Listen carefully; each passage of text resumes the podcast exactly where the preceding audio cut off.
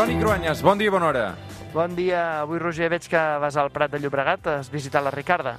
He vist la Ricarda, sí, petitona però bufona, eh, que diuen. ha anat bé la setmana, Toni? Bé, bé, bé. Vaja, un dels temes ha sigut aquest, evidentment, després de la taula de diàleg que ens hem fet un fart de parlar i Afganistan, que encara dura, però sí, sí.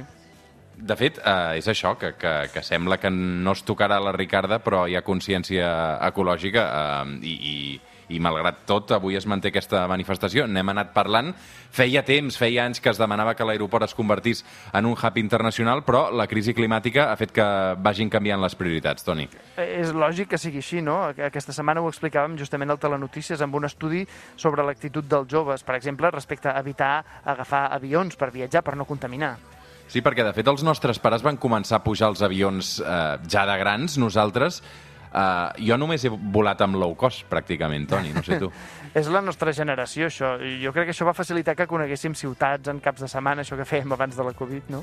Les empreses també s'han tornat totes multinacionals amb gent que participa en congressos, reunions a l'altra punta del món. Clar, ara s'està revertint com aquesta tendència de segles de la humanitat que havia volgut volar, dominar l'espai, i ara resulta que, que ens hem passat de la ratlla. Aviones plateados rozando los tejados. Avui, una altra història mirarem enrere per fixar-nos amb la història de l'aviació, d'alguna manera, no? És a dir, des de quan ha volgut volar la humanitat, Toni? Potser la llegenda més antiga, més coneguda, és de la Grècia clàssica, el mite del vol d'Ícar. El seu pare, Dèdal, va fabricar unes ales de plomes d'ocell, cosides i enganxades amb cera, i quan a Ícar li va posar les ales, Dèdal ja el va advertir que anés amb compte, en no volar massa alt, perquè l'escalfor del sol desfaria la cera.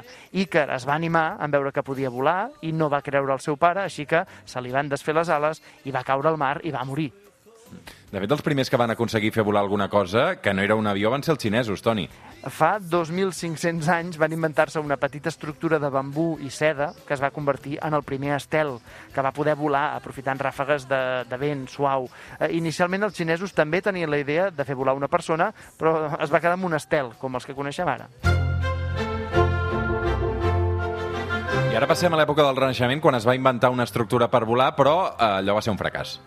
Dels molts intents d'inventors que hi va haver durant segles, un dels més coneguts és Leonardo da Vinci. Ell ja va descartar unir ales al cos humà o fer extensions dels braços perquè coneixia molt bé l'estructura muscular de les persones. Les havia estudiat pels seus dibuixos, pe- pels seus quadres. Per això ell ja va pensar en la idea d'una màquina separada de l'home que el pogués transportar. Estem parlant de quatre projectes que no van funcionar, però amb una mica de romanticisme podem dir que Leonardo da Vinci va iniciar la ciència del vol. Altres investigadors van basar-se després en els mateixos principis que Da Vinci. En els tres segles següents es construeixen planejadors i també prototips amb ales fixes i mòbils. I què passa? Doncs fins al 9 d'octubre del 1890, que és quan apareix, diguem-ne, que el primer avió creat per Clement Ade, estem parlant de, de que va, va aconseguir enlairar-se i volar uns 50 metres, va ser a França, després ho va repetir amb més vols fins a 300 metres de distància. Eh? Per tant, el primer avió va arribar a fer aquesta distància i això es considera el primer vol de la història. És a dir, un primer vol al 1890, però que encara estava molt, molt lluny dels avions amb passatgers que coneixem avui dia. La veritat és que la indústria europea creixent a Europa aleshores, que vol exportar els seus productes de les seves fàbriques i després també els militars, s'adonen que allò de volar no és una quimera, sinó que pot ser possible. I per tant s'espavilen, eh, avancen molt perquè veuen que té un rendiment amb molts beneficis. I a la Primera Guerra Mundial ja s'havien desenvolupat plenament i a la Segona Guerra Mundial ja són famoses les grans campanyes de bombardejos aeris. Es podria dir que en 50 anys els avions van passar de no existir a guanyar una guerra mundial.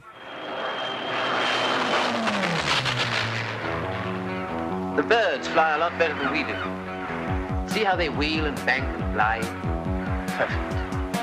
I a tot això, Toni, es comença a construir l'aeroport del Prat. No hem de viatjar una mica més d'un segle enrere. Sí, a veure, en realitat l'actual aeroport és la suma de dos camps d'aviació, una Viladecans, estem parlant del 1916, i un altre al Prat de Llobregat, dos anys després. El primer vol regular va començar ja el 1927 i era una línia d'Ibèria que unia Barcelona, el Prat, amb Madrid. 20 anys després, amb una nova pista, va començar a operar el primer vol intercontinental. Després es construiria una altra pista perpendicular, també una torre de control, una nova plataforma d'estacionament d'avions, així que l'any 1963 es va arribar al milió de passatgers anuals. La principal raó del creixement de l'aeroport llavors ja va ser el turisme. Ciutadans de Catalunya, ja sóc aquí! Des d'aleshores han passat centenars de milions de persones per l'aeroport, algunes de ben icòniques com Josep Tarradellas. Eh? que va aterrar al Prat quan va tornar de l'exili. Per això el govern espanyol recentment ha decidit canviar-li el nom a l'aeroport pel de Josep Tarradellas Barcelona al Prat. Tarradellas va tornar el 1977 en una època en què a l'aeroport sobretot hi arribaven turistes que van anar arribant en xifres cada vegada més i més grans. Moment culminant són aquests Jocs Olímpics 1992 que van significar un punt d'inflexió per l'aeroport de Barcelona. Van ser els Jocs, però sobretot clar, la inversió que va permetre l'ampliació de la Terminal B, que hi havia en aquell moment, i la construcció de les noves, que són la A i la C. Des d'aleshores, les ambicions de sumar més i més vols han sigut constants, només amb algun moment de frenada per crisis molt puntuals. Escolta'm, i ara es podria frenar definitivament el, el creixement de l'aeroport, Toni?